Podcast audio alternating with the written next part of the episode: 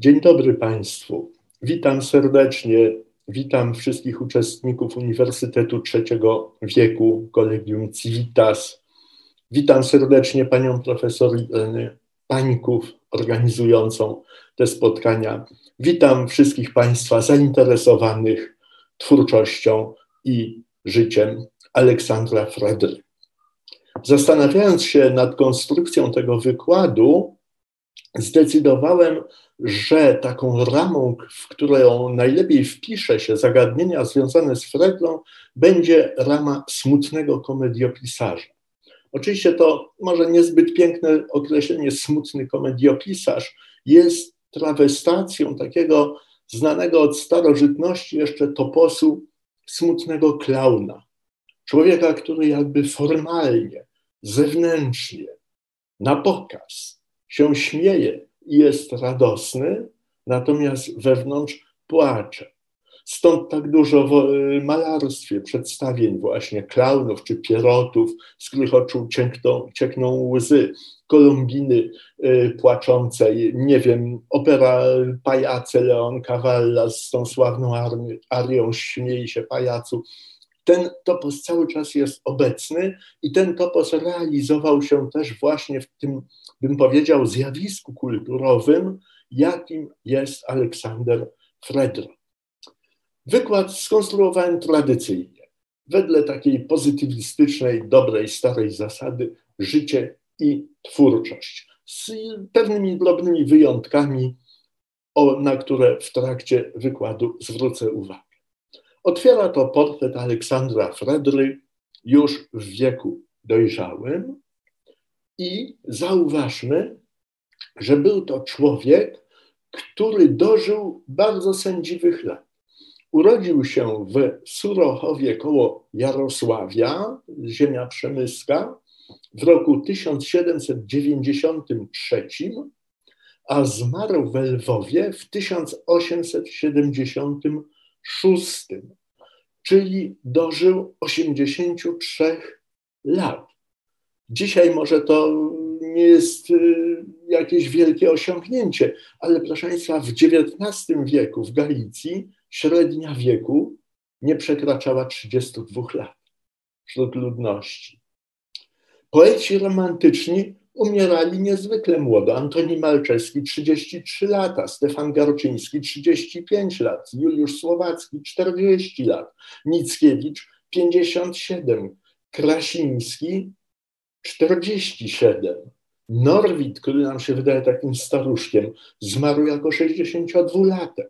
Tak więc Fredro ze swoimi 83 latami, ze swoją energią życiową, ze swoją siłą, z czystością umysłu zachowaną do ostatnich dni życia, jest po prostu jakimś, nie wiem, niezwykłym przypadkiem XIX wieku.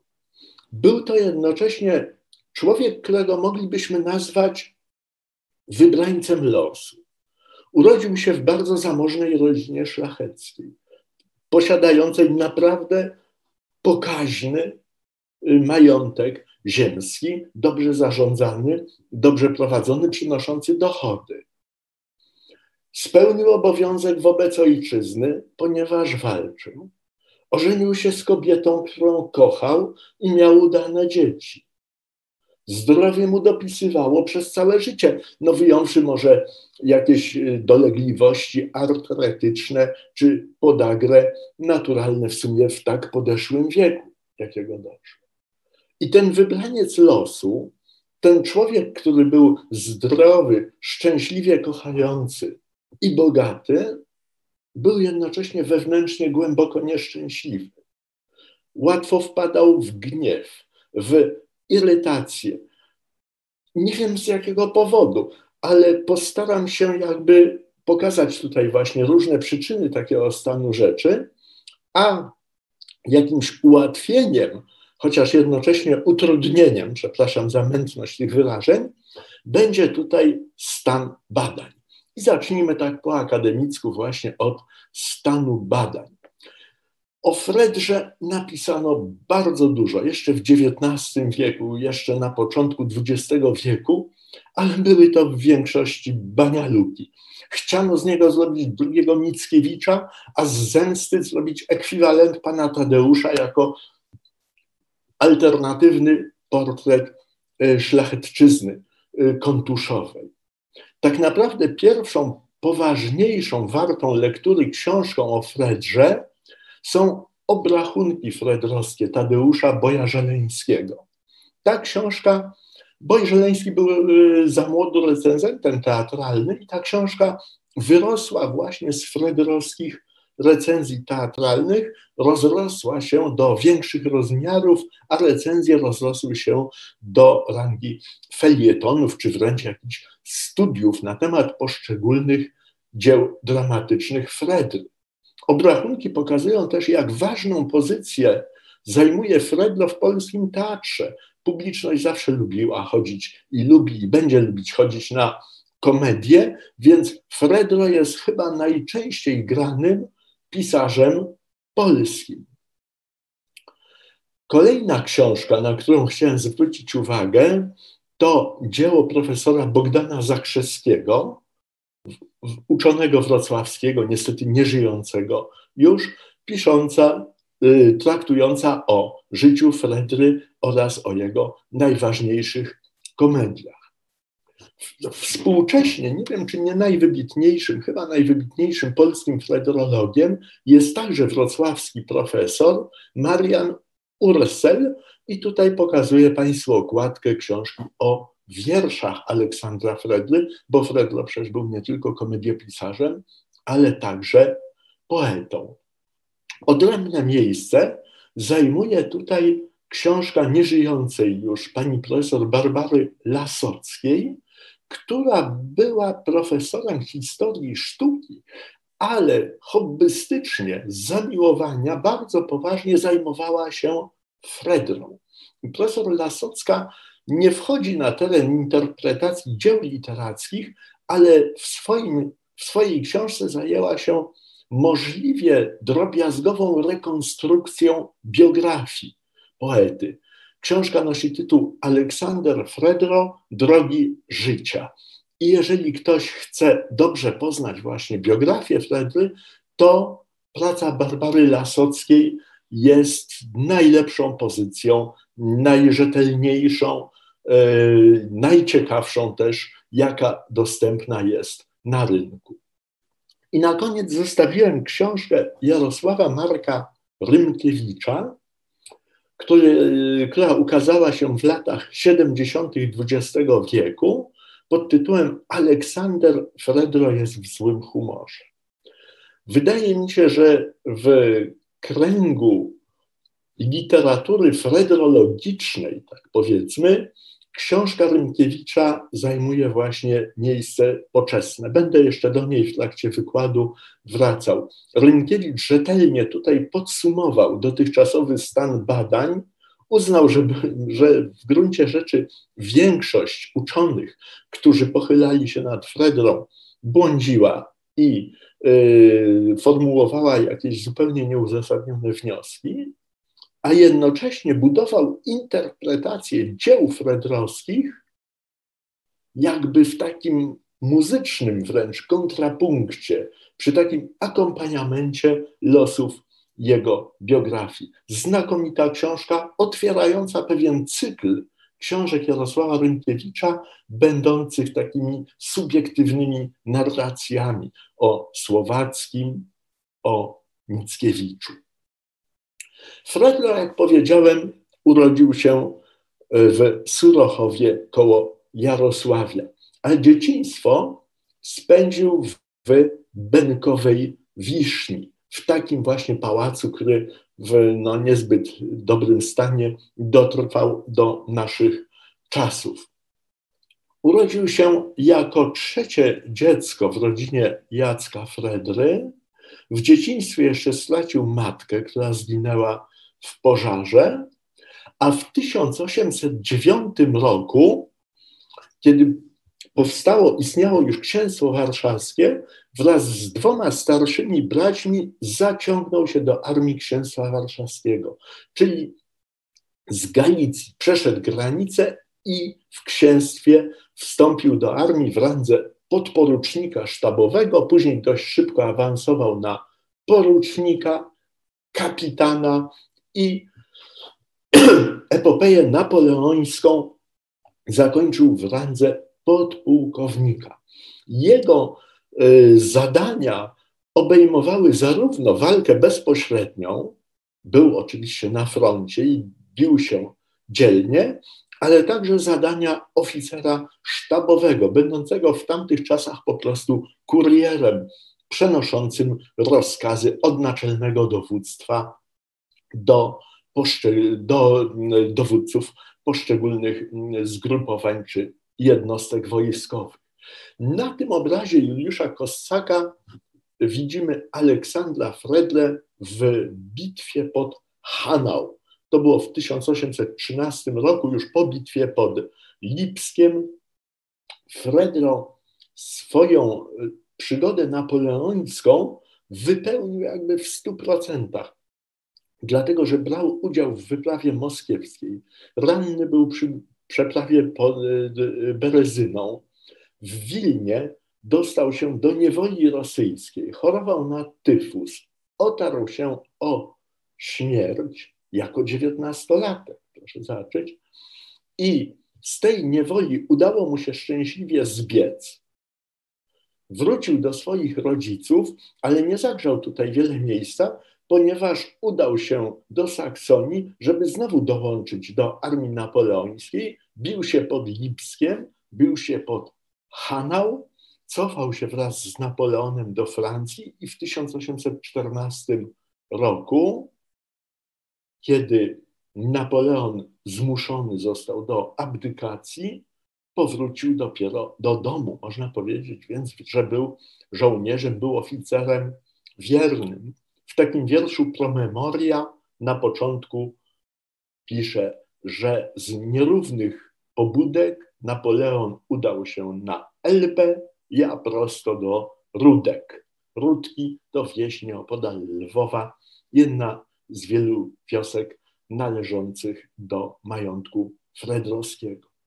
Za swój, za swój udział w walkach odznaczony był orderem Virtuti Militari, a także orderem francuskiej Legii Honorowej. Tutaj w internecie znalazłem tylko krzyż Legii Honorowej z 1870 roku, więc oczywiście to nie jest krzyż Fredry, ale ten, to odznaczenie wyglądało tak samo. Proszę Państwa, kłopotliwa teraz sprawa dla polonisty obscena fredrowskie. Z tymi obscenami jest tak, że język polski w całej swojej złożoności, w całym swoim bogactwie nie stworzył leksyki ani sposobu opisu takich peryferyjnych właśnie zjawisk literackich, jak literatura obsceniczna, czy prościej mówiąc, literatura pornograficzna. Proszę mi pozwolić trybem gawędy romantycznej na opowiedzenie takiej anegdoty. W latach 50. zespół kilkunastu wybitnych językoznawców warszawskich pod wodzą profesora Witolda Doroszewskiego rozpoczął pracę nad stworzeniem monumentalnego słownika języka polskiego, wielkiego dziesięciotomowego słownika, który do dzisiaj jest ważnym bardzo narzędziem badawczym dla wszystkich polonistów. Zespołowi przewodził, jak już powiedziałem, profesor Witold Doroszewski. W tym zespole znalazł się też profesor Jan Tokarski i kilkanaście pań wybitnych językoznawczyń polonistek.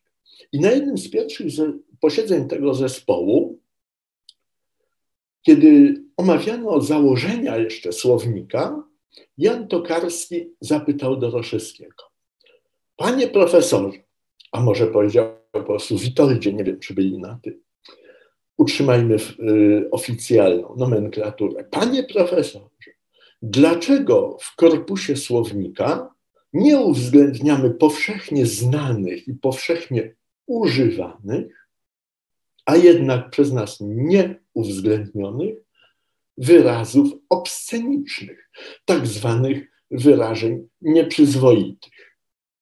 W tym momencie w Tokarskiego wbiło się kilkanaście par oczu tych polonistek, a Doroszewski zapytał: A jakie wyrazy pan profesor ma na myśli?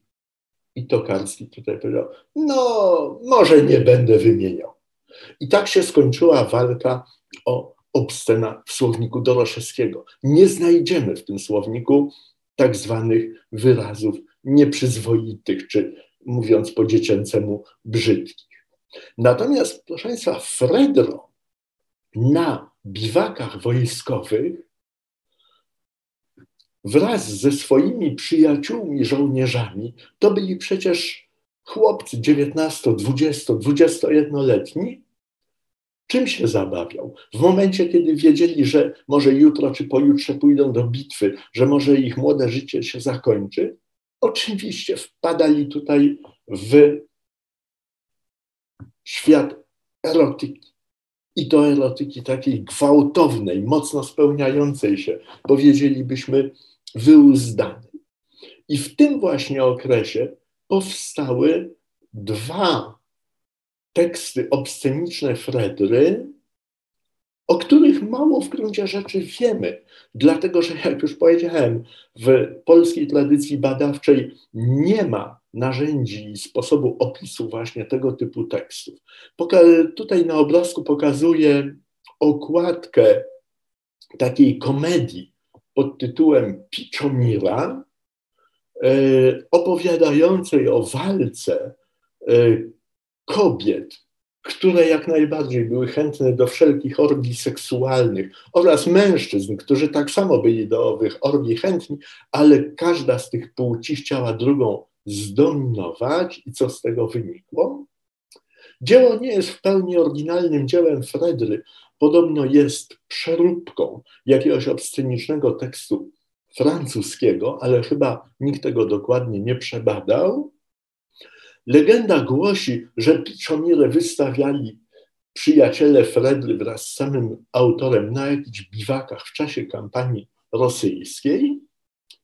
I drugie obscenum Fredry daje tutaj taką libertyńską ilustrację do tego. To jest poemat, który się nazywa Sztuka obłapiania. Teksty obydwu tych utworów znajdziecie Państwo bez trudu w internecie, więc ja nie będę tutaj nad tym się więcej rozwodził. W każdym razie o tych dwóch obscenach wiemy na pewno, że wyszły spod pióra Fred. Powstały podczas działań kampanii wojennych napoleońskich, rosyjskiej przede wszystkim właśnie w 1812-13 roku i pracował jeszcze nad nimi Fredro, wiemy o tym, w roku 1817, a więc już po wojnach napoleońskich, na prośbę przyjaciół z wojska, chciał je, że tak powiem, doszlifować, dopracować i dokończyć. Po roku 1817 nigdy już do tego typu twórczości, do literatury pornograficznej nie powracał. To jest właśnie, proszę Państwa, ten wyjątek, gdzie mówię o twórczości Fredry w dziale biograficznym. Przypisuje się jeszcze Fredrze taki poemat Poselstwo Mojżesza, ale w korespondencji Fredry i jego przyjaciół nigdzie nie ma potwierdzenia, że to dziełko, w cudzysłowie mówię dziełko, wyszło spod pióra Fredry. Natomiast powszechnie się uważa i na pewno się wszyscy z Państwa, wszyscy Państwo z tym zetknęliście, że Fredro napisał tak zwaną trzynastą księgę pana Tadeusza, a właściwie dwie trzynaste księgi, ponieważ jedna z tych trzynastych ksiąg, taka bardziej w cudzysłowie powiem grzeczna, yy, mówi o tym, jak Tadeusz zbawiał Teimenę od mrówek w świątyni Dumania i taka bardzo mocno pornograficzna, opisująca noc poślubną Tadeusza i Zosi. Otóż z całą stanowczością i z najlepszą wiedzą chciałem tu powiedzieć, że żaden z tych tekstów nie został napisany przez Fredry. Nie wiemy na 100%, kto napisał te, powiedzmy, 13 księgi pana Tadeusza. W 90% można przypisać to takiemu satyrykowi z przełomu XIX-XX wieku, notabene dobremu, zupełnie przyzwoitemu poecie, który się nazywał Władysław Zagórski. Ale to nie Fredro napisał trzynastą księgę pana Tadeusza. Na tym slajdzie pokazuję teatr lwowski. Hrabia Stanisław Skarbek wraz z innymi sponsorami e, w czasach jeszcze wojen napoleońskich, to się zaczęło, a zaraz po wojnach napoleońskich skończyło, wystawił taki monumentalny, bardzo nowoczesny i bardzo pojemny, jak na tamte czasy, teatr we Lwowie. I właśnie w tym teatrze w 1817 roku grano pierwszą komedię Fredry, która się nazywała Intryga na prędce i nie została przez publiczność ani przez krytykę literacką czy teatralną zauważona. Przeszła, przez, przeszła bez echa. Fredro tę intrygę na prędce przerobił e, później na inną komedię już w latach dwudziestych pod tytułem Nowy Don Kisz. Fredlo przyjaźnił się ze skarbkiem, a także przyjaźnił się z żoną skarbka, bardzo piękną Zofią Skarbkową z Jabłonowskich. W ogóle atmosfera Lwowa po wojnach napoleońskich w latach 1815, 16, 17, zaraz po kongresie wiedeńskim, atmosfera życia towarzyskiego w Lwowie była bardzo wesoła. Salony, bale, zabawy, erotyka mocno rozbujana i rej w tym wszystkim wodzili oczywiście bracia Fredrowie, przystojni i bogaci rudzielce, przy których o cnotę swoich żon bali się wszyscy mężowie. Fredro, Fred, Aleksandrowi Fredrze podobała się właśnie żona skarbka, Zofia Jabłonowska i podobno założył się ze swoimi przyjaciółmi, że w ciągu trzech miesięcy uda mu się Zofię Jabłonowską uwieść. Nie wiem, jakie były warunki tego zakładu, co oznaczało to uwiedzenie, czy tylko to, że Zofia Jabłonowska-Skarbkowa miała się na niego łaskawie spojrzeć, czy napisać list, czy miało dojść do pocałunku albo do czegoś więcej. Nie wiem. W każdym razie w trakcie realizacji owego zakładu Fredro zupełnie nie po komediowemu, a całkiem romantycznie w tej Zofii Skarbkowej się zakochał. I okazało się, że on sobie nie wyobraża bez niej życia i był zakochany nieszczęśliwie, jak jakiś Mickiewiczowski Gustaw. Zupełnie by to do Fredry nie pasowało.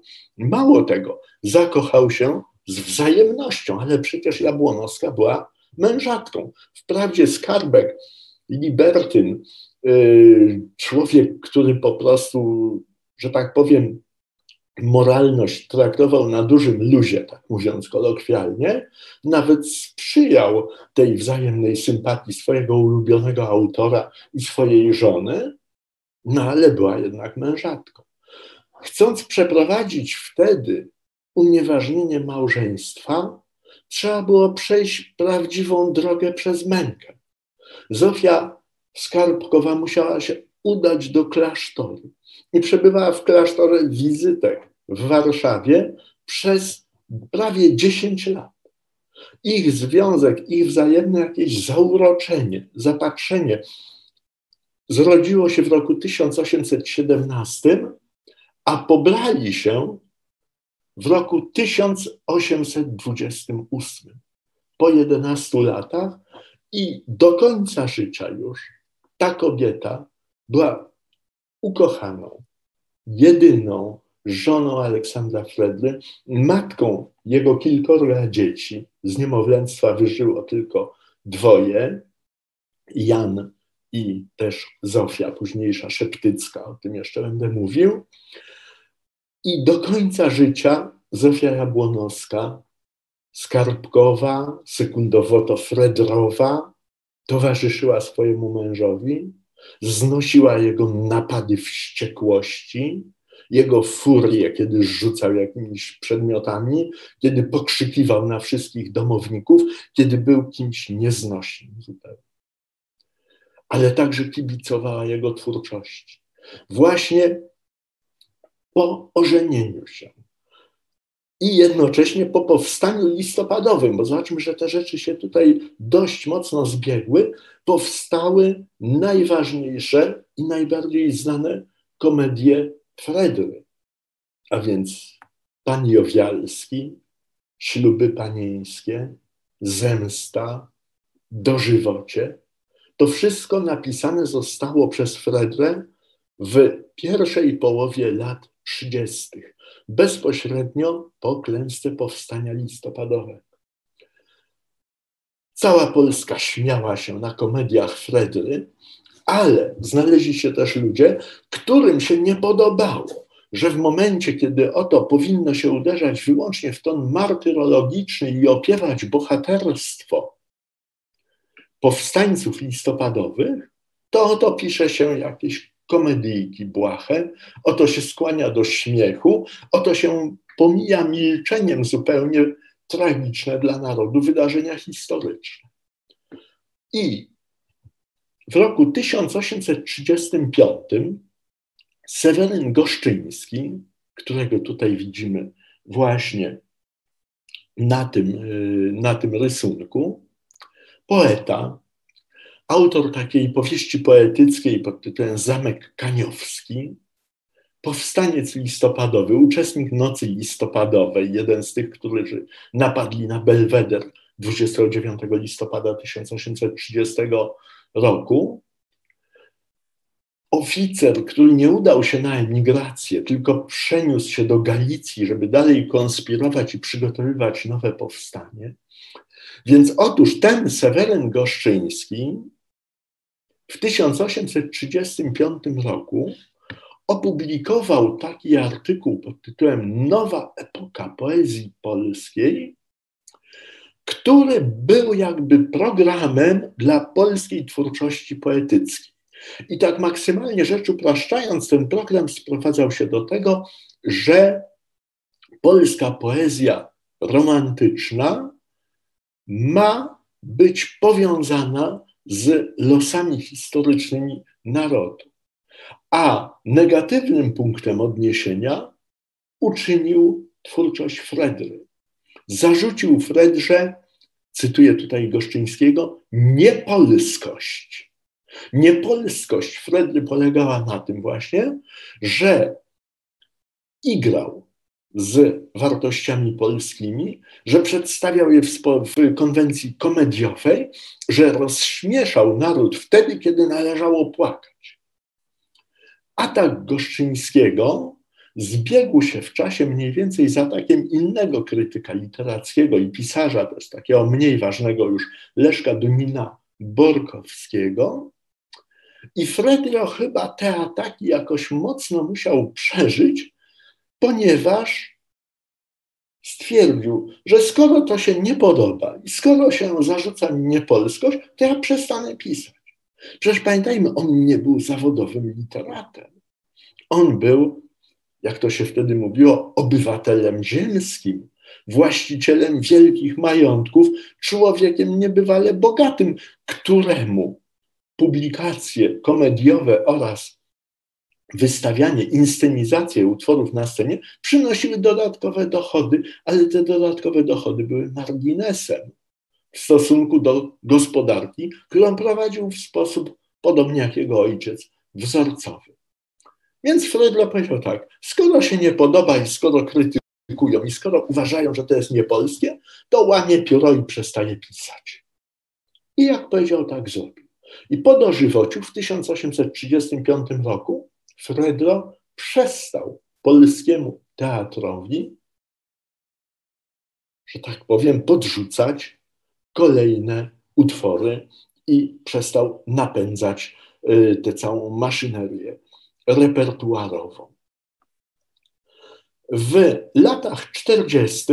ze wsi przeprowadził się y, do takiego dworku, tu jest napisany dworek na Chorąszczyźnie, ulica w tej chwili nawet dość blisko centrum Lwowa położona. Wtedy to były przedmieścia bardziej Lwowa, więc trochę przypominające realia wiejskie. I tutaj właśnie od lat 40. na Chorąszczyźnie Fredro mieszkał aż do swojej śmierci. Tutaj już widzimy starego Fredrę. Ciekawe, że coś jeszcze muszę powiedzieć o tym atakującym Fredle Sewerynie Goszczyńskim, że po 10 latach konspirowania w Galicji on jednak tropiony przez policję austriacką musiał uciec do Francji. Tam najpierw współpracował z demokratami, potem zaprzyjaźnił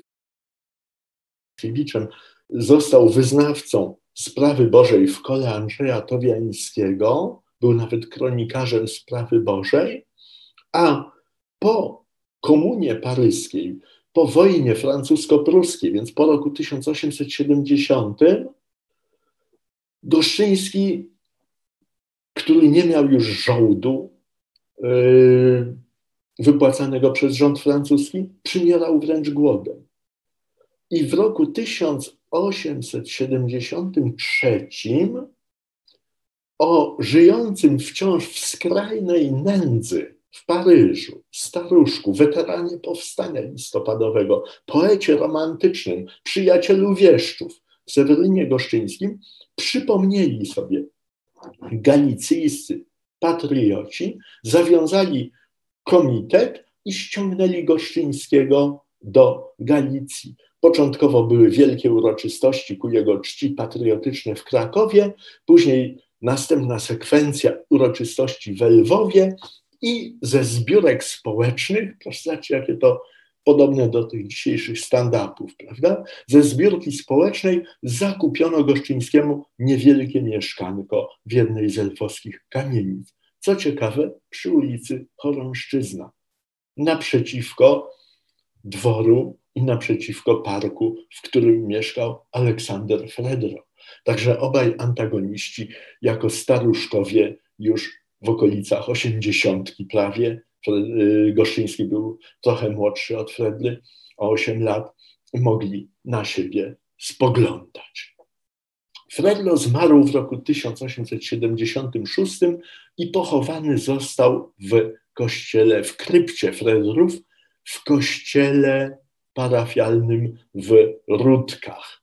To jest oddalone, o ile pamiętam, byłem tam, ale już wiele lat temu, to jest jakieś 20 kilometrów oddalone od Lwowa. Tutaj taki makabryczny slajd mumia Fredry, po prostu jego szczątki. Proszę zobaczyć, leżą w, otw w otwartej trumnie, kiedy przetaczał się front ukraiński w 1944 roku przez Rudki wśród żołnierzy rozeszła się wieść, że w tym kościele jest krypta hrabiów z licznymi kosztownościami. I ta krypta Fredrów została zdewastowana. Trumny pootwierano, e, zwłoki poprzewracano, pomieszano kości trochę w poszukiwaniu jakichś precjozów, jakichś złotych przedmiotów czy innych drogocennych rzeczy. Właśnie kiedy w takim stanie wyglądała ta krypta fredrowska, Rudki odwiedził, to były jeszcze lata 70. ubiegłego stulecia, profesor Bogdan Zakrzewski, wrocławski uczony, o którym już wspominałem na początku wykładu. I Zakrzewski z tej trumny wyjął kciuk prawej ręki Fredry, owinął w jakieś bibułki i udało mu się to szczęśliwie przez granicę przemycić. Opowiadał, że właśnie ten kciuk jest dla niego cenną relikwią, ponieważ tym kciukiem Fredro trzymał zawsze pióro, czy w późniejszych latach życia ołówek i ten kciuk brał udział w napisaniu wszystkich dzieł Fredry. Pod koniec życia profesor Zakrzewski przekazał ten kciuk Fredry do jednego z kościołów wrocławskich i tam został on wmurowany w ścianę. Pamiętajmy, że duża część inteligenckiego Lwowa, przedwojennego Lwowa, po II wojnie światowej przeniosła się do Wrocławia. I ten związek właśnie Fredry przedwojenny z Lwowem po II wojnie światowej zmutował w postać związku Fredry z Wrocławiem. Obecnie w Rudkach znajduje się taka tablica informująca, że w roku 1990 tę kryptę odnowiono i dokonano powtórnego, ponownego pochówku Aleksandra hrabiego Fredry oraz członków jego rodziny. Przechodzimy teraz, proszę Państwa, do działu twórczości. Wspomniałem już o scenach Fredry i więcej o nich nie będę mówił. Wspomniałem o debiutanckiej komedii Intryga na prędce. Teraz pierwsza komedia z 1821 roku, dzięki której Fredlo został zauważony. Pan Geldhab. Tutaj realizacja sceniczna tej e, komedii z teatru telewizji. Opowiada w niej Fredro o Dorobkiewiczu, lichwiarzu, właśnie owym Geldhabie. Proszę zacząć, że to jest nazwisko znaczące po niemiecku Geld i Haben, to jest posiadać pieniądze. Geldhab, któremu brakuje jakby w jego całym snobizmie jakichś paranteli arystokratycznych. W związku z tym postanawia się ożenić z córką zubożałego arystokraty. I ta córka zubożałego arystokraty oczywiście kocha się w kimś innym, w kimś, kto jest równy jej wiekiem, y, kto jest artystą także i po wielu, wielu perypetiach i powikłaniach udaje się tym młodym, także przy pomocy Geldhaba zresztą, połączyć. Tak więc wszystko się kończy happy endem, ale proszę zobaczyć, co tutaj Fredlo w tej swojej pierwszej poważnej, poważnej, takiej pierwszej ważnej komedii obnaża. Otóż pokazuje życie społeczne jako fenomen organizowany przez pieniądze, organizowany przez taką maksymę, że wszystko można kupić, że wszystko jest na sprzedaż. Na tym slajdzie pokazuję afisz teatralny, taki skromny bardzo z 1949 roku z Teatru Polskiego w Poznaniu, informujący o wystawieniu komedii Fredry Mąż i żona. To jedna z najważniejszych komedii Fredry. Często wystawiana, dlatego że nie wymaga wielkiego aparatu wykonawczego. Tam występują tylko cztery osoby, bo oprócz męża i żony występuje przyjaciel tychże, Alfred, oraz gosposia, pokojówka, służąca, taka Justysia. Nie wiem, jak tutaj ją y, nazwać. I ta sztuka ma wiele wspólnego właśnie z początkami literackiej praktyki Fredry. Wprawdzie nie ma tutaj żadnych elementów pornograficznych, ale obyczajowo obnaża i to w sposób, bym powiedział, bezlitosny, zakłamanie panujące w społeczeństwie. Spójrzmy na to. Jest mąż, jest żona, jest przyjaciel tychże, który ma na imię Alfred, i ten Alfred, udając ucznia męża, bo mąż jest w ogóle bardzo zarozumiały, uważa egocentryczny, uważa się za pępek świata i krynicę wszelkiej wiedzy, więc ten Alfred udając, że mąż wprowadza go w tajniki życia społecznego i w tajniki erotyczne, jednocześnie uwodzi jego żonę Elwirę. Oszukuje tego męża, ale w gruncie rzeczy Elwirę, swoją kochankę, też oszukuje, ponieważ jednocześnie romansuje z tą służącą, Justysią. Elwirę ponadto oszukuje podwójnie, ponieważ, y, żeby udowodnić swoją miłość, zasypuje ją dziesiątkami listów pisanych zgodnie z modą epoki po francusku, a tak naprawdę tych listów wcale nie pisze, tylko jakiemuś Francuzowi osiadłemu w Lwowie za drobne pieniądze zleca pisanie listów miłosnych, bo sam by się z tym strasznie nudził, a przecież nie ma zbyt wiele czasu, ponieważ romansuje ze służącą Justysią, a jednocześnie, jak z tekstu się dowiadujemy, smali też cholewki i próbuje uwieść jakąś Alinę. Ta Alina wprawdzie nie jest zbyt piękna i jest bardzo chuda, ale przyjemność Alfredowi sprawia to, że przyprawia rogi głupim mężom, którzy w swoim egocentryzmie myślą, że ich żona poza tymi mężami świata nie widzi. To jest taka dodatkowa satysfakcja.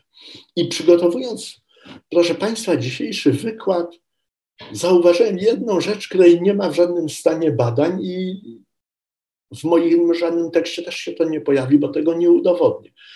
Ale Alfred z męża i żony to jest port parol Fredry. Przecież to jest Alfred, Aleksander, Fredro. Prawda? Alfred, chociaż jest tutaj postacią taką moralnie, no mało powiedzieć, podejrzaną, dwuznaczną po prostu, jednocześnie budzi jakąś sympatię, ponieważ on właśnie obnaża zakłamanie całego społeczeństwa. W pewnym momencie Justysia, jego kochanka, poucza go. Dlaczego on pisze tyle listów do Elwiry? Przecież to jest niebezpieczne. Mąż Elwiry, Wacław, może się zorientować, że coś Alfreda z jego żoną, czyli z Elwirą, łączy. I Justysia mówi w pewnym momencie takie słowa, zacytuję tutaj. Ja to rozumiem, ja umiem po francusku. A jej kochanek Alfred mówi: Wiem, wiem to doskonale. Czyli o co chodzi z tym umieniem po francusku? Tam w innym miejscu jeszcze gdzieś twierdzi, że Justysia chwali się swoją francuszczyzną. To wszystko jest takie bardzo moralnie i obyczajowo dwuznaczne, prawda? Tutaj się pokazuje, jak to wzorowe małżeństwo męża i żony, jak wzorowa przyjaźń między mężem a Alfredem, jak lojalność Justysi w gruncie rzeczy wszystko jest jakby na opak, wszystko jest wywrócone.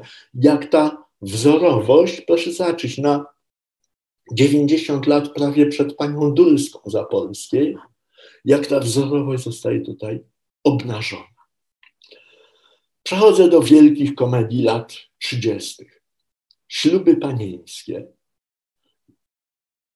Fredro nawiązuje tutaj do modnego, do modnej na początku XIX wieku teorii magnetyzmu. Nie będę tego streszczał. Wszyscy wiemy, że e, Albin i Gustaw starają się o e, rękę dwóch młodych e, panien. Śluby panieńskie zostały nie tak dawno chyba ze 20 lat temu, no to dla mnie już nie tak dawno, zekranizowane przez Filipa Bajona. Tutaj jest kadr z tego, moim zdaniem, niezbyt udanego filmu. A na tym slajdzie już widzimy ruiny zamku w Odrzykoniu. Odrzykoń, gmina Korczyna, powiat Krosno, czyli powiat krośnieński. Dawniej województwo krośnieńskie. Odrzykoń to mała wioska wniesiona Fredrze w Posagu przez Zofię Jabłonowską Skarbkową. I wedle legendy, ale bardzo prawdopodobnej, właśnie przeglądając papiery związane z historią tego majątku, natknął się Fredro na dzieje, na historię dwóch kolatorów, dwóch e, posiadaczy, którzy dzierżyli ten zamek wspólnie w XVII wieku. I to miało zainspirować Fredle właśnie do napisania zemsty. Tak ruiny odrzykońskie wyglądają współcześnie. Widzimy tutaj na tym postumencie po pierwsze Aleksandra Fredry.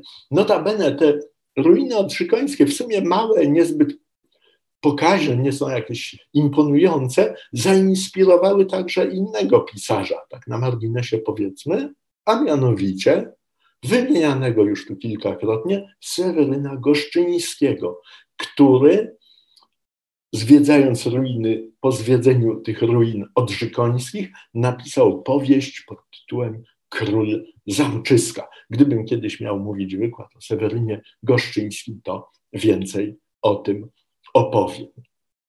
I plakat zemsty Fredry, zekranizowanej przez Andrzeja Wajdę. Wydaje mi się, że w bardzo dobrym, udanym, ciekawym filmie, do którego mam tylko jeden zarzut, mianowicie Wajda, byłem na takim spotkaniu nawet z Andrzejem Wajdą, gdzie on tłumaczył, że umieścił y, scenerię fabuły zemsty w zimie, żeby pokazać jakby taki mróz, który otacza tych wszystkich bohaterów, taki jakby, żeby ich pokazać w stanie jakby pewnej hibernacji. Nie wiem, czy to był pomysł fortunny, dlatego że wprawdzie Fredro rzeczywiście w zemście nigdzie nie daje żadnego sygnału, czy to jest wiosna, jesień, lato, czy zima, czyli tak samo można by wybrać zimę, jak i lato. Oprócz jednego szczegółu, nawet mówiłem o tym e, do mistrza Wajdy na tym spotkaniu, że jeśli jednym z ważniejszych epizodów zemsty jest odbudowa muru granicznego przez tych trzech murarzy, na których napadł Papin, to przecież takich prac murarskich w XIX wieku zimą i na mrozie by nie wykonywano raczej, prawda? Może nie jest to zbyt mocny argument, ale zawsze jakiś. Otóż komedie Fredry są pogodne. Komedie Fredry kończą się zawsze happy endem. Komedie Fredry kończą się zawsze uśmiechem. I komedie Fredry są, proszę darować mi tutaj trochę takie porównanie, jak klipy piosenek disco polo. One są optymistyczne, one są ciepłe. Brakuje tutaj tylko jeszcze palm i błękitnego oceanu łagodnie falującego, żebyśmy zobaczyli życie jakby jego, w jego pełnej krasie osadzenie zemsty w zimie, tak jak to się dzieje w filmie Wajdy, jest naprawdę daleko idącą reinterpretacją intencji fredrowskich, kadr z zemsty Wajdy. I kolejna komedia, prywatnie powiem moja ulubiona komedia Fredry, Pan Jowialski. Dałem tutaj e, plakat Warszawskiego Teatru Polonia, gdzie w roli tytułowej występował fantastyczny, wspaniały Marian Opania, a jego żono Małgosia, która tam w całej komedii kilka razy się wypowiada, mówiąc: Oj, figle, figle, oj, panie Jowialski, figle, figle. W tej roli świetna też Krystyna Janda. Pan Jowialski to komedia napisana prozą, ale w tym prozatorskim toku, w ten prozatorski tok Fredlo wpisał kilka wierszyków, które mówi pan Jowialski, żeby tymi wierszykami komentować przebieg akcji.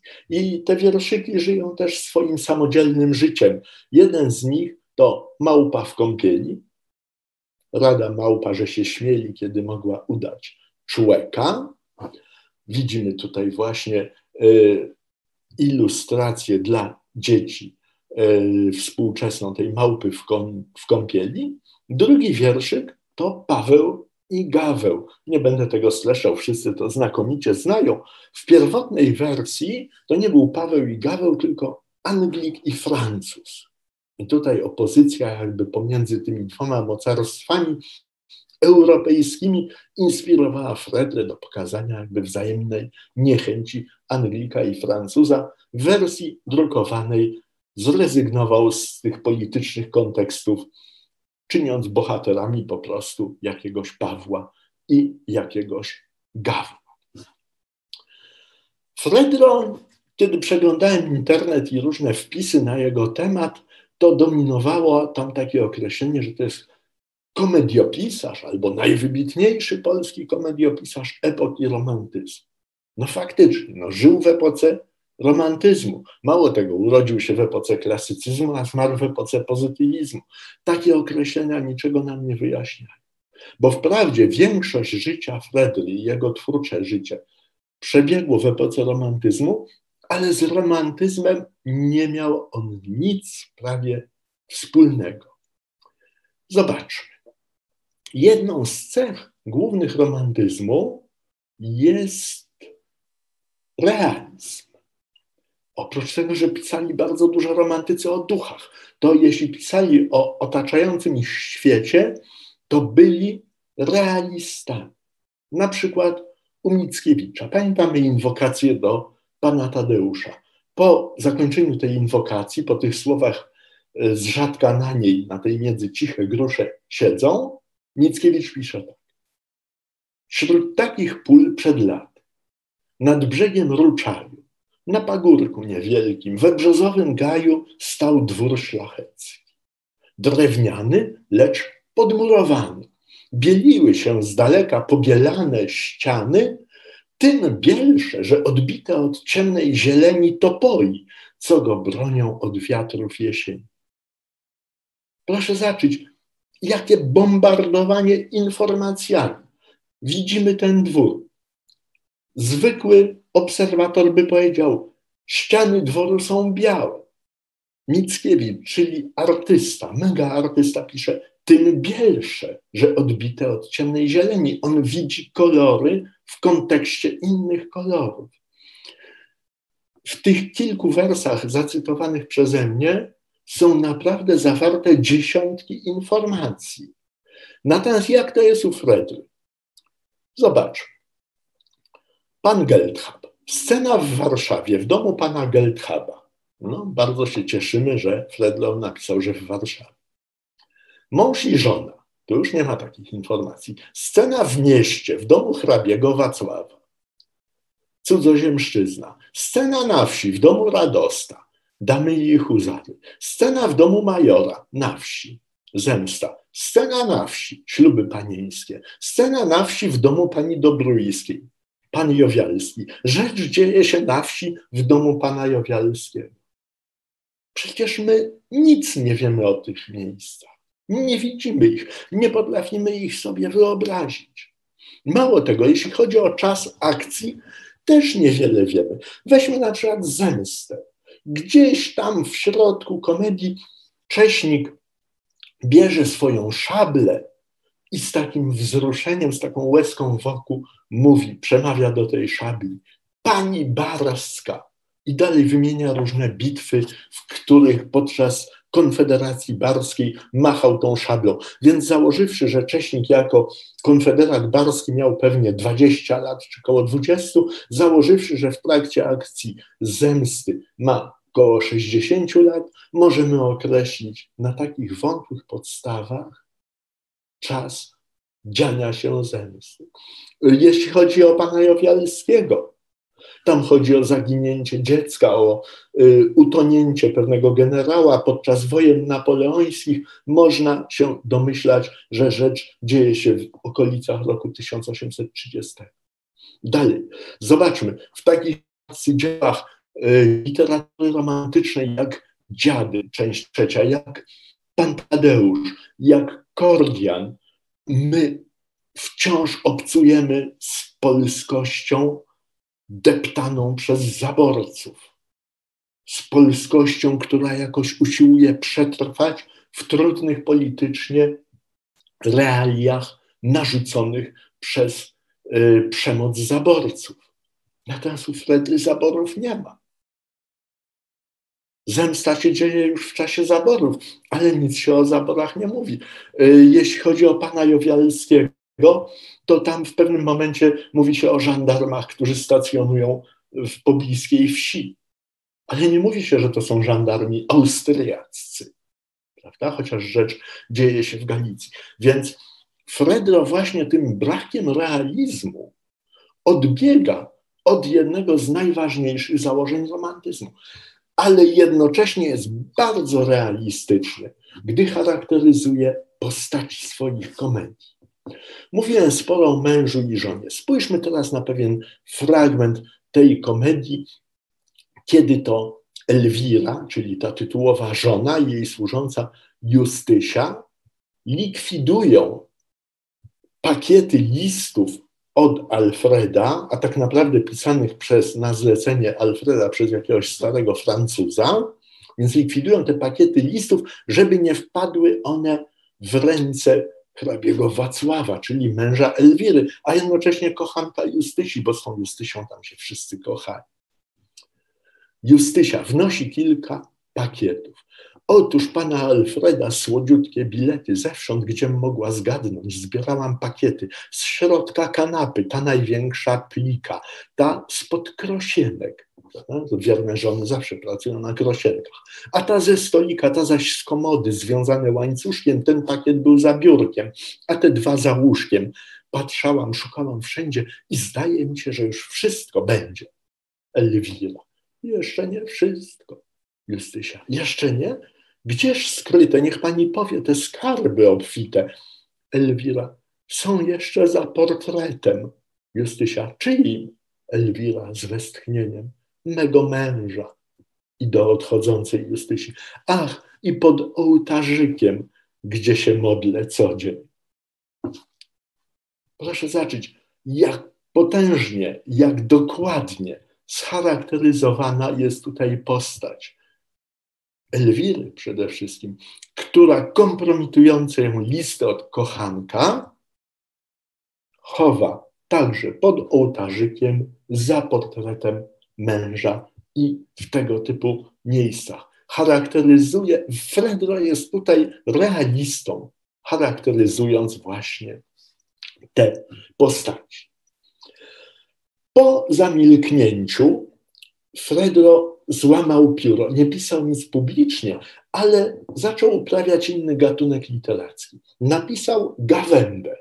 To gatunek romantyczny, gawenda szlachecka prozą, którą skromnie nazwał trzy po trzy. Wedle swoich intencji pisał ją tylko dla rodziny, dla swojej żony i synów, ale jednocześnie pisał dość starannie, poprawiał, szlifował, chyba jakoś może podświadomie liczył się z tym, że kiedyś to opublikuje. Trzy po trzy zaczyna się od takich słów, w którym pokazuje, że na początku 1814 roku jechał na białym koniu człowiek średniego wieku, nieco otyły, w sieraczkowym surducie pod szyję zapiętym, a dalej, dalej, dalej za nim jechałem, już patrzę tutaj na końcu, jechałem ja. Pierwszym z tych jeźdźców był Napoleon, ja to Aleksander Fredro. Tak rozpoczynają się jego napoleońskie pamiętniki, w których prowadzi, znowu zobaczmy, na ponad 100 lat przed Milonem Białoszewskim, przed pamiętnikiem z Powstania Warszawskiego, deheroizację wojny w trzy po trzy nie ma ani kropli pychy jakiegoś weterana, że wojowałem, że krew przelewałem, że narażałem się. Jeżeli pisze o tym, jak kula armatnia zabiła człowieka, który stał o metr od niego, to po prostu o tym informuje. I pisze, że gdyby stał za nim, to i on by zginął. Ale nie zginął. Wojna którą pokazuje Fredlow 3 po 3, jest bezsensownym aktem przemocy wywieranym przez jednych ludzi na drugich. I właściwie jedynym urokiem wojny są te przyjaźni, które na polach wojskowych, wojennych i na biwakach zostają zawierane. Właśnie wtedy mówiłem już o tym, Fredro zaczyna tworzyć jakby na zamówienie swoich przyjaciół pierwsze teksty. I też wtedy uświadamia sobie, że jest nieukiem, że niczego nigdy się nie kształcił. wielcy romantycy tej epoki. Mickiewicz skończył studia, bez magisterium, ale skończył. Słowacki był magistrem. Y, Krasiński kilka lat studiował na Uniwersytecie y, Warszawskim i w Genewie. Norwid miał maturę. Fredro zerowe wykształcenie, tylko domowe. Uczył go taki preceptor, jak to się wówczas mówiło, płachetko. I właśnie w trzy po trzy wspomina swoją edukację. O płachetko, niech ci Bóg, przed którym już stoi, przeba, stoisz, przebaczy. Ale ja nie mogę, żeś mój czas najpiękniejszy od 1807 do 1809 zabił, zamordował bez litości. Książki w rękę nie wziąłem. Jeżelim czytał, to romanse. Mój ojciec zajęty interesami, a szczególnie fabryką żelaza, którą założył w Ciśnie, rzadko bawił w domu. Nie mógł więcej dla dzieci zrobić, jak do ogólnego dozoru wziąć guwernera, a do szkolnych nauk dyrektora. I taki właśnie człowiek, pisarz, niedo, niedouczony, jak sam E, twierdził, autor Gawędy 3 po 3, taki człowiek dotarł do roku 1848.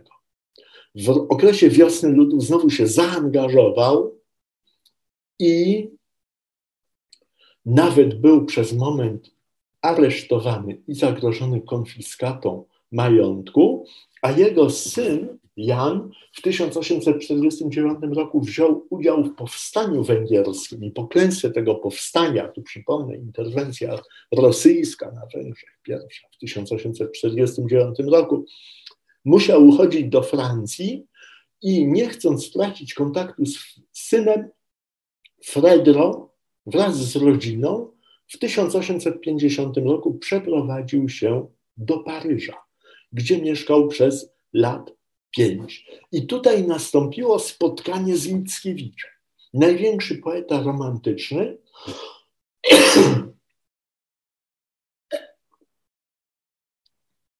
największy poeta romantyczny spotkał się z najważniejszym polskim komediopisarzem. Jarosław Marek Rymkiewicz, idąc za relacją księcia Władysława Sanguszki, to, jest, to był brat rodzony Romana Sanguszki, tego, którego car skazał na Sybir po powstaniu listopadowym.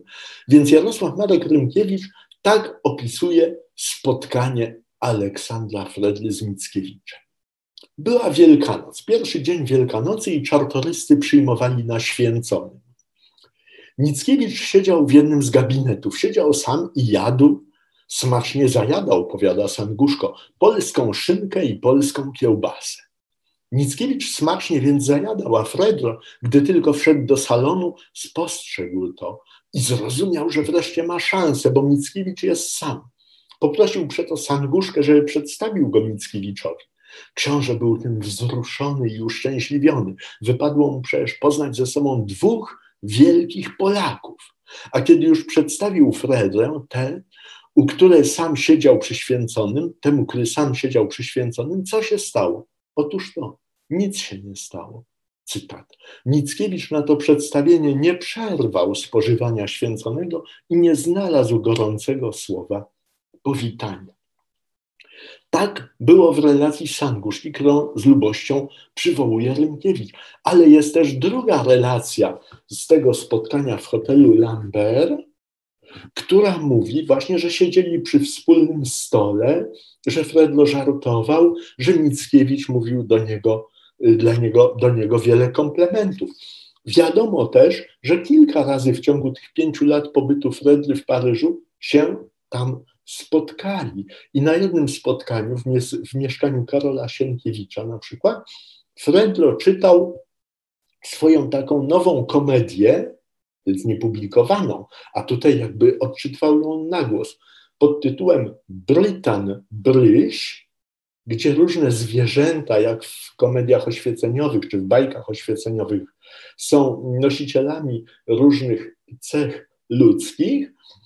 I Mickiewicz bardzo chwalił wiersz Fredrowski, a córka Mickiewicza, Marynia, która była wtedy 15 czy 16-letnim podlotkiem, zaśmiewała się do rozpuku z perypetii zwierząt w tekście Fredry.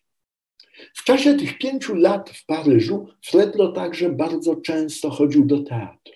To był jego nauk. Ale sztuki paryskie z lat 50. XIX wieku to już było zupełnie coś innego niż sztuki paryskie z epoki napoleońskiej. I tutaj właśnie dzięki temu intensywnemu obcowaniu z różnymi teatrami paryskimi w ówczesnej kulturalnej stolicy świata, Fredro powrócił do nałogu. To są jego określenia. Powrócił do nałogu i zaczął znowu pisać. Jako dobiegając już prawie 80, napisał zbiór aforyzmów, zapiski starucha. Kilka z nich wybrałem brzmią bardzo aktualnie. Z ludem zawsze licytacja. Kto da więcej? Albo łatwiej przebaczyć niż zapomnieć. Albo złodziejem nazywają tego, co ukradł talara, a bankrutem tego, co ukradł milion. Warto do tych zapisków starucha zajrzeć. Ale też zaczął pisać komedię. Z jednym wszakże warunkiem. Wszystko do szuflady. I Fredro poprzez przyjaciół wszystkim zapowiedział: Nie udostępnię żadnego mojego nowego tekstu, dopóki będę żył. I cały Lwów, a za Lwowem wszystkie ziemie polskie czekały, kiedy wreszcie tę szufladę będzie można otworzyć.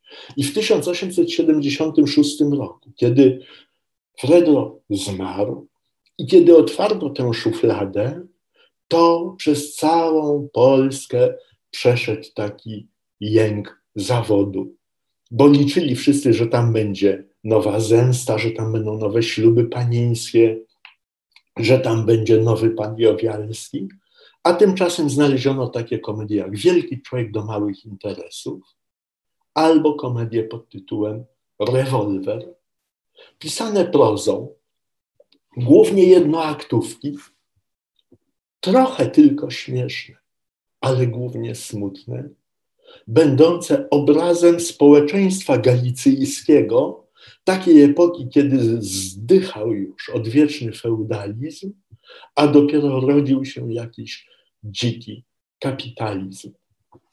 I tutaj Fredro jeszcze mocniej niż w tych, nazwijmy, wczesnych komediach, obnażył to, na czym zbudował swoją wielkość w XX wieku Gombrowicz obnażył to, jak ważna jest forma i jej podtrzymywanie w relacjach ludzkich, jak strasznie dużo fałszu jest w relacjach międzyludzkich i jak trudno jest wydobyć z człowieka autentyzm. W, re, w relacjach międzyludzkich w ogóle niemożliwe, w jakiejś solilokwii, w jakiejś rozmowie z samym sobą z grubsza tylko, bardzo trudna rzecz do wydobycia, jak autentyzm. Jedną z ostatnich jednoaktówek Fredry, jedna z ostatnich jednoaktówek nosiła tytuł Świeczka zgasła. Tu jest nawet napisane jedna scena. Opowiada o młodym mężczyźnie i młodej kobiecie, których podróż powozem z powodu awarii koła została przerwana i przy jednej świeczce siedzą w jakiejś obskurnej oberży i oboje są wściekli i jakby pełni niechęci nawzajem dla siebie, wobec siebie, ale kiedy ta świeczka się dopala, to nawiązuje się między nimi jakaś nić zrozumienia, sympatii. I kiedy ta świeczka gaśnie i już niczego nie, nie widzimy, to pewnie rodzi się między nimi jakieś uczucie, może jakieś iskrzenie, może jakaś potrzeba ciepła i bliskości. Dlatego kończąc na tym, pokazuję jeszcze taką gasnącą, dogasającą świeczkę, która mówi właśnie o tym, co jest wielkiego w twórczości Fredry i o tym, że ta twórczość w gruncie rzeczy służy śmiechowi, ale jest jednocześnie twórczością pomnikową. I tutaj na zakończenie pomnik Fredry we Wrocławiu, e, przeniesiony ze Lwowa wraz z tymi fredlowskimi badaniami, wraz z jakimś szczególnym kultem dla komediopisarzy. I jeszcze jedno. Chciałem powiedzieć, że po Fredrze zostały nie tylko dzieła, ale zostało też potomstwo. Miał syna i miał córkę. E, ważniejsze potomstwo jest z tej córki. Także miała na imię jak matka Zofia, wyszła za mąż za hrabiego Szeptyckiego i właśnie z Szeptyckim urodziła Stanisława Szeptyckiego, czyli późniejszego generała, szefa trzeciej brygady legionów Piłsudskiego i ministra spraw wojskowych w II Rzeczpospolitej, to był wnuk Fredry, oraz Andrzeja Szeptyckiego, który przeszedł na wyznanie grekokatolickie, unickie i był arcybiskupem Lwowa. I inny z tych rodzeństwa, nie pamiętam jego imienia w tej chwili, wyleciało mi to e, z głowy, e, został beatyfikowany przez Jana Pawła II jako męczennik, ponieważ zamordowany został w więzieniu NKWD już po II wojnie światowej. Z Fredrą spowinowaceni są też bracia starowiejscy. Kazimierz Starowiejski, profesor chemii z Politechniki Warszawskiej, Franciszek Starowiejski, wybitny grafik, yy, malarz, myśliciel i jedyny z tych trzech, którego mam zaszczyt znać osobiście, profesor Marek Starowiejski, ksiądz, należący do ścisłej światowej elity znawców literatury patrystycznej, czyli ojców Kościoła oraz apokryfiki Bliskiego Wschodu. Tak więc można powiedzieć, że Fredro był bardzo silnym człowiekiem i te bardzo silne fredrowskie geny do dzisiaj jakoś działają, wydając w jego rodzie wiele znanych, wybitnych godnych szacunku postaci. Dziękuję Państwu bardzo za uwagę. Profesorze, mamy tutaj jedno pytanie od naszego widza. Pania Ewa P. Mrówka pisze. Jaki był stosunek Fredry do romantyków, do idei mesjanizmu? Czy był znawcą tego nurtu? Czy, czy wypowiadał się może kiedykolwiek oficjalnie na ten temat?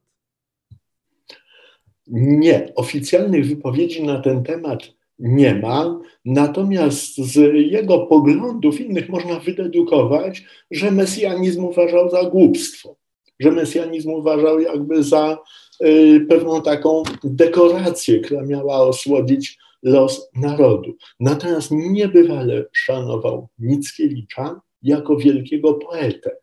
Istnieje też taka relacja właśnie z tego pięciolecia paryskiego, kiedy to z córką, właśnie Zofią, późniejszą Szeptycką, był w mieszkaniu Mickiewicza i po wyjściu, tak córka Fredly wspomina, ojciec zrobił taką poważną minę i powiedział: Do końca życia pamiętaj, żeś widziała Mickiewicza.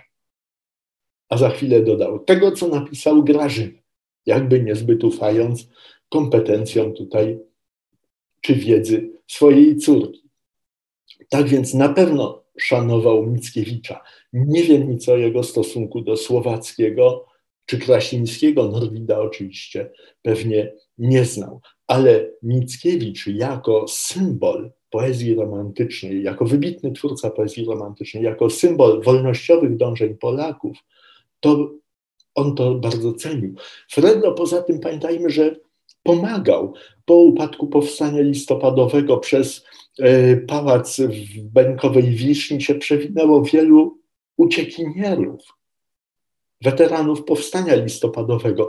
Tak samo organizował przerzut broni dla powstańców styczniowych, więc on wspierał te insurekcyjne działania Polaków, ale chyba przede wszystkim wspierał samych ludzi, a nie linię polityczną, która tymi wydarzeniami rządziła. Dziękuję bardzo także.